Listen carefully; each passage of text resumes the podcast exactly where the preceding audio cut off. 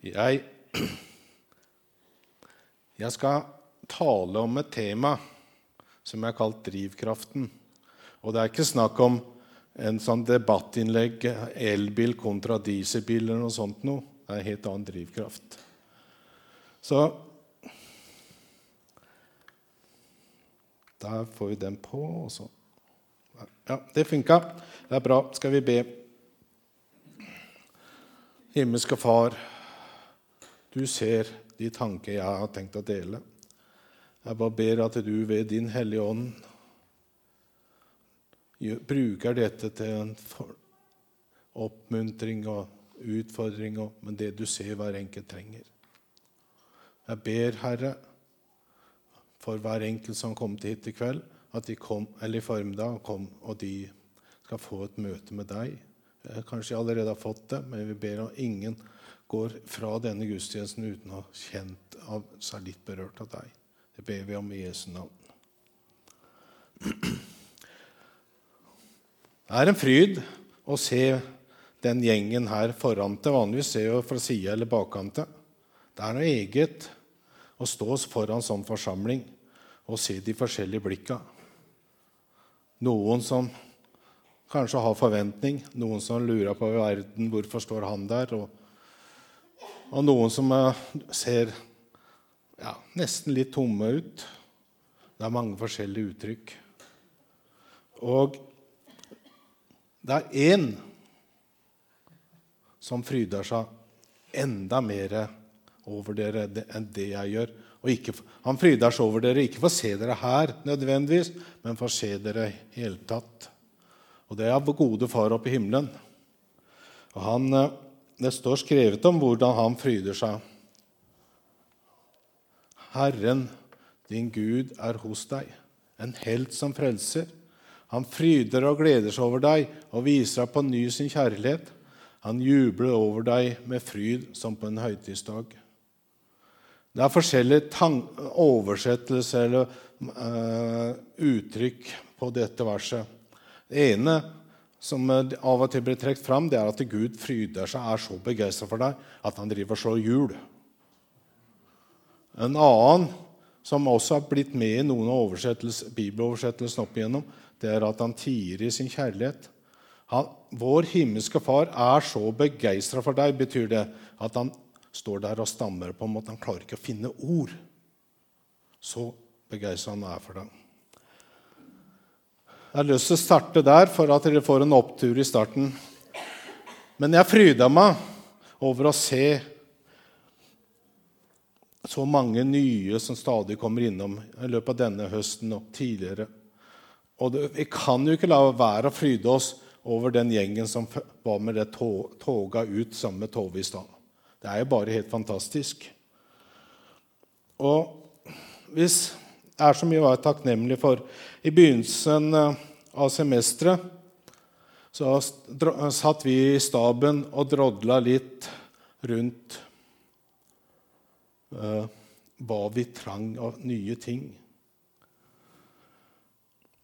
Og vi var enige om at vi trang egentlig å, kunne fått noen til å lage videosnutter. For for å presentere ting og, og litt annet innspill på gudstjeneste og videre. For 14 år siden så satt jeg nesten med tårer i øynene. I hvert fall ble det fuktige i kroken der. For da var det konfirmasjonspresentasjon, og de hadde lagd en presentasjonsvideo med trøkk. Da, en seier til. Og det Herre gir meg ja, det gir meg stadig Jeg ser stadig at Gud åpner muligheter. Dette gir meg med glede og frimodighet til å fortsette tjeneste her. Og eh, for åtte år siden, I september for åtte år siden så gikk, han, meldte han Lise og jeg oss inn i denne menigheten. Det er ikke det at dere skal gjøre noe stort nummer, og det er åtte år, men bare så dere forstår at jeg ikke av de som har vokst opp her.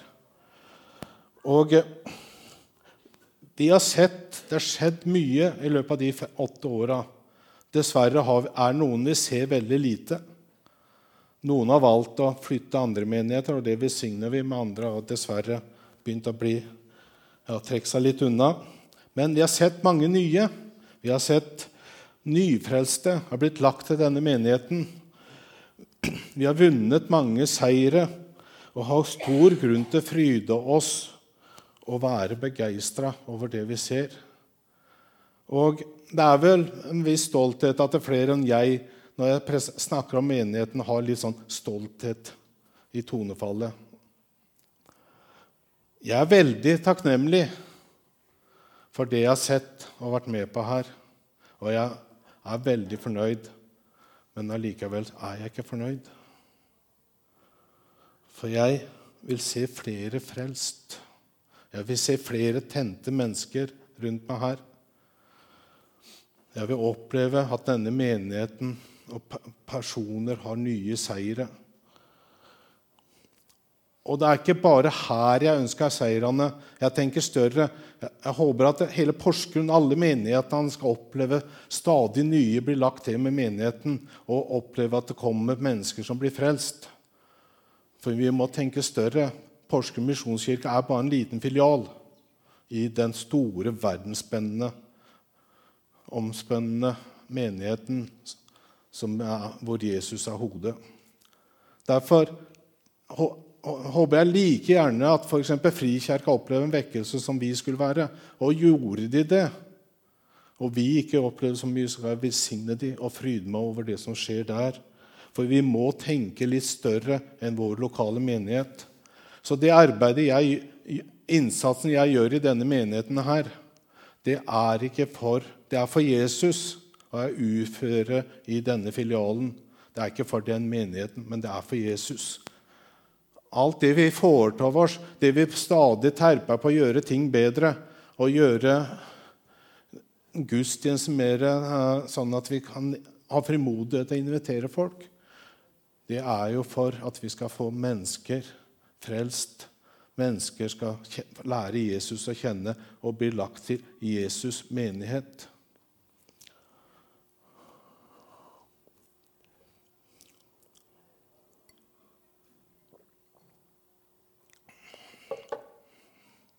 Dere har skjønt hvorfor vi har sånn glass. Det er for vi skal få lese manuskriptet litt. Takk til alle dere som står på år etter år her. Det er fantastisk. Og jeg, hva er det som får så mange til å stå på? Hadde vi tatt en undersøkelse og spurt hver enkelt her, så hadde vi fått mange forskjellige svar.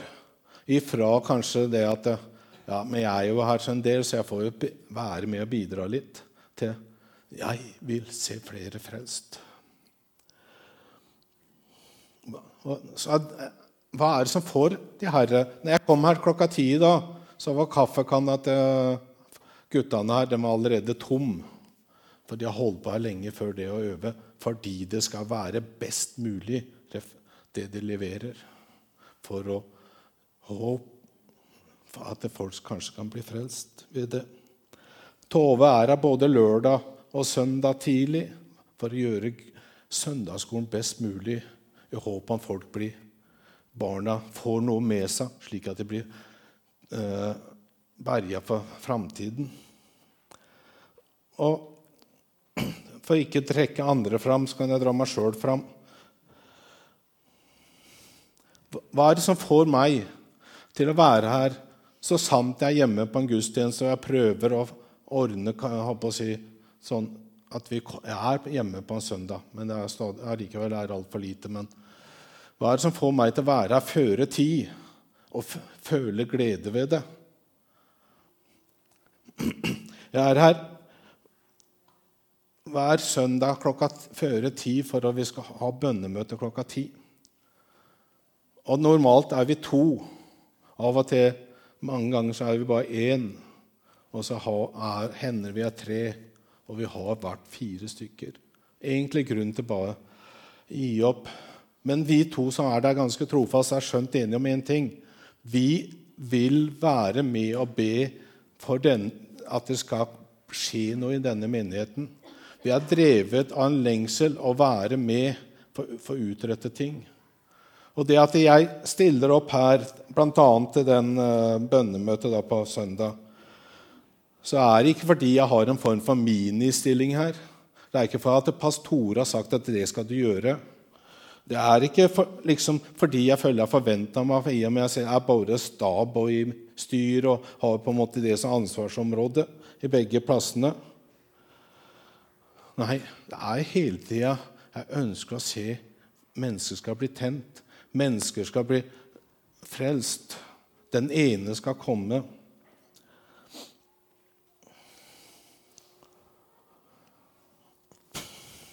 Og jeg tror, om ikke den undersøkelsen ville gjort at alle ville svart akkurat det, så tror jeg det er herre det er snakk om de fleste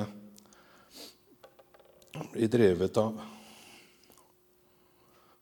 For Kristi kjærlighet tvinger oss. Tvang Nei, det er ikke sånn at det står, at det står ikke at Jesus tvinger oss. Det står at hans kjærlighet tvinger oss. Og eh, det er mer snakk om at det, er noe som driver oss. Og eh, det har blitt lagt noe ned i hjertene som, som, selv om vi ikke klarer å sette akkurat ord på det, som driver oss. Og det ordet 'for å tvinge' på gresk ja, det, Der kom alt på en gang, men det er jo greit det er suneko. Eller sånn cirka det. Jeg kan ikke gresk. Men så, i sammenligner da med forskjellige plasser i, i bruken av det ellers i Bibelen, så er det i alle de forskjellige bruksområdene finnes det et element av å holde tilbake, et grep, fast grep som hindrer flukt. Kristi kjærlighet gir oss ikke annet valg enn å leve våre liv for ham.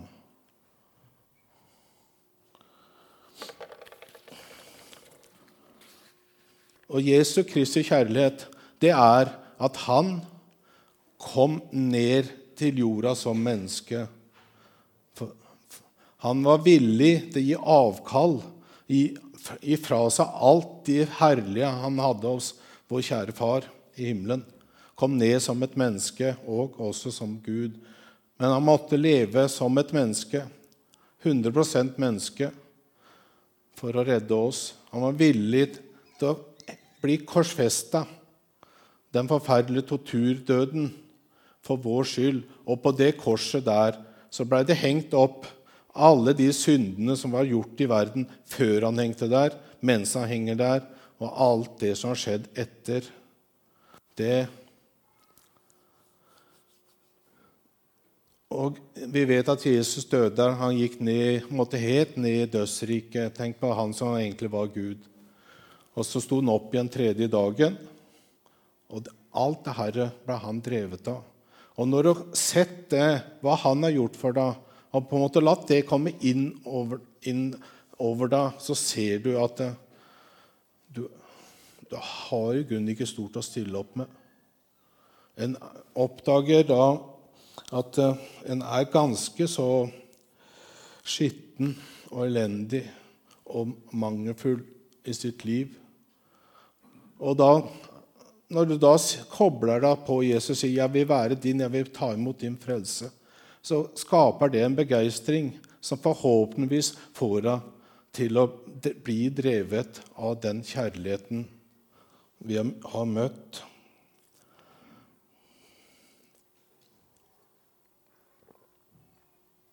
Og så kan du kanskje på, si da, men det er greit for deg, Tore, for du er så kristelig. Du har jo ikke noen problemer. Jeg er helt enig, jeg. Ja. Jeg er voldsomt kristelig. Jeg er totalt avhengig av Kristus. Og hva er å være kristelig? Det må være å være en kristen. Å være en kristen betyr å følge Kristus og ønske ham, å være sammen med ham, og ha Kristus i hjertet og ære ham med livet ditt. Ja, jeg er kristelig. Men hvis du tenkte på at jeg var så veldig åndelig, så kjenner jeg meg ikke igjen. At jeg får ting, er så flink, kjenner jeg meg heller ikke igjen. For jeg føler mer at livet mitt er som et stigespill. Du jobber deg oppover. Jeg regner med de fleste har vokst opp med et stigespill. Du jobber deg oppover målet og kommer på toppen, men så er det de dumme røde felta. da. Så hender jeg sier noe dumt. Jeg blir fordømmende i tankegangen min. Jeg blir så sinna at jeg har lyst til ut alt sammen. Jeg blir så motløs at jeg har bare lyst til å forsvinne. Jeg får stygge tanker, kan få fan ville fantasier. Svikter og holder ikke det jeg lover. Så blir livet på en måte terningkast én, én og én. Og vet vi, når spiller stigespill, og du får bare enere, så unngår du ikke de røde felta. Og det stigespillet jeg føler mitt, det er det tilbake til starten uansett. Det er ikke sånn at bare dette ned i rad. Dette helt ned til starten. Så må du be om tilgivelse. Og på ny oppleve å få nåden. Og når du stadig opplever det, så blir jo bare nåden større og større for deg. Og er, hvis du er villig til å på en måte ønsker å gjøre mye og stiller opp mye og stikker deg fram, så oppdager du også at du mislykkes kanskje litt oftere. Og da trenger du mer nåde. Og nåden blir bare større og større for hver gang. I motsetning hvis du aldri bare sitter der, så blir kanskje ikke nåden stor fordi du ikke utfordrer den.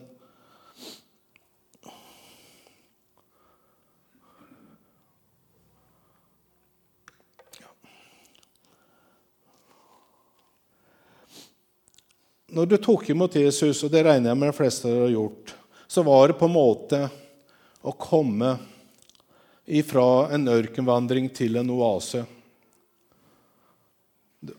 Komme til en plass hvor han kan trikke seg utørst.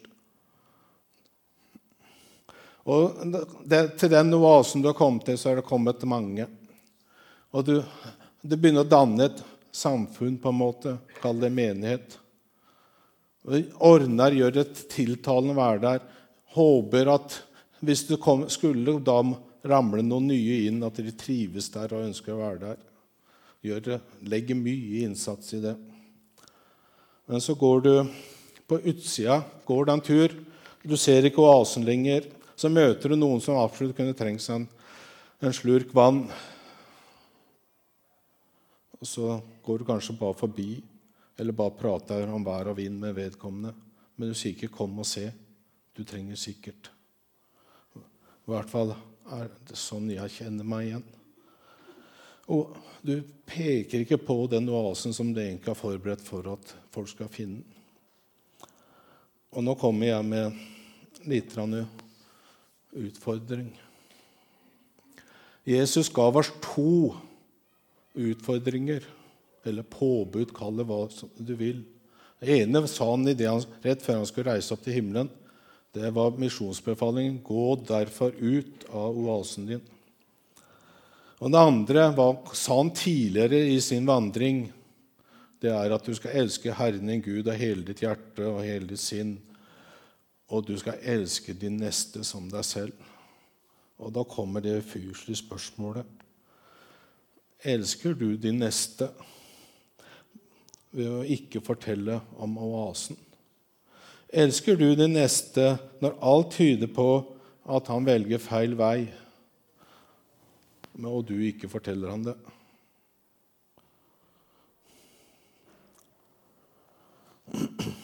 Hva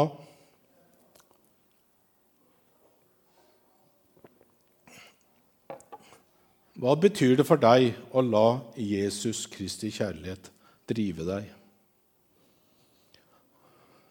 prioritere litt annerledes, kanskje. Gi avkall på ting, forskjellige ting, interesser. La Jesus få råde mer over din tid, din økonomi og dine interesser.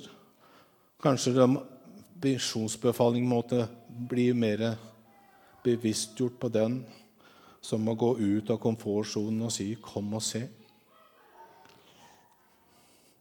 Og så må må det jobbes med det å få den herre Jesus, den Jesus' kjærlighet som drivkraft.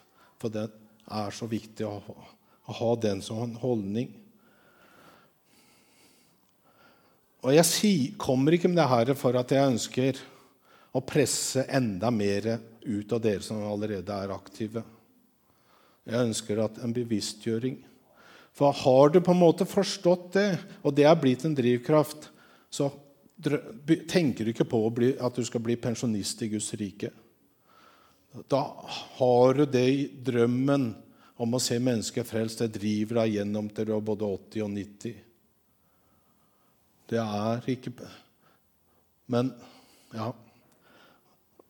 Derfor ønsker jeg at på en måte en bevisstgjøring på å forstå den holdningen, la det bli en levesett. Tenk, nå er VM nede i Doha. Jeg har vært i eh, Qatar en liten tur i forbindelse med jobben. Og jeg syns det var en lidelse å gå ut der nede. Det var 45 grader. De der 100 meterne vi måtte gå fra kontoret til Katina, det var en lidelse. Tenk på de som løper der nede. Men tenk hvor mye de idrettsstjernene, toppidrettsstjernene forsaker eller gir avkall på for å nå målet sitt som heder og ære. Livet deres består jo av trene, spise, sove, trene, spise, sove. Det er jo helt De koser seg ikke engang. Det gjør de for å vinne heder og ære. Noen gullmedaljer og kanskje en del penger, da, selvfølgelig. Men, men, vårt mål er da mye større. Det er jo å få flest mulig til himmelen. Vi vinner kanskje ikke heder og ære med det, men det blir, skaper jubel i himmelen. Er ikke det større? Nå går jeg til avslutning, så hvis dere vil opp, så skal jeg prøve å lande. Jesus ofra livet sitt for deg. Er du villig til å gi mer av ditt liv for din neste? Skal vi ta en tur ut av oasen og fortelle om det? Du må ikke. Du er like mye frelst om du bare ønsker å sitte og ta imot bestandig. Det jeg har snakket om, betyr egentlig ikke noe med for min eller din frelse, men det betyr veldig mye for en annens persons frelse, kanskje. Og kanskje fordi jeg skulle trekke opp det her, og derfor jeg også starta med Sefania 3, 17. Gud kom til å fryde seg over deg like mye. Men hvis vi ikke, sånn som idrettsfolk har, hvis vi ikke vi jobber for å nå et mål, så får vi heller ikke oppleve de seirene ved at noen tar imot Jesus. Så hva vil du?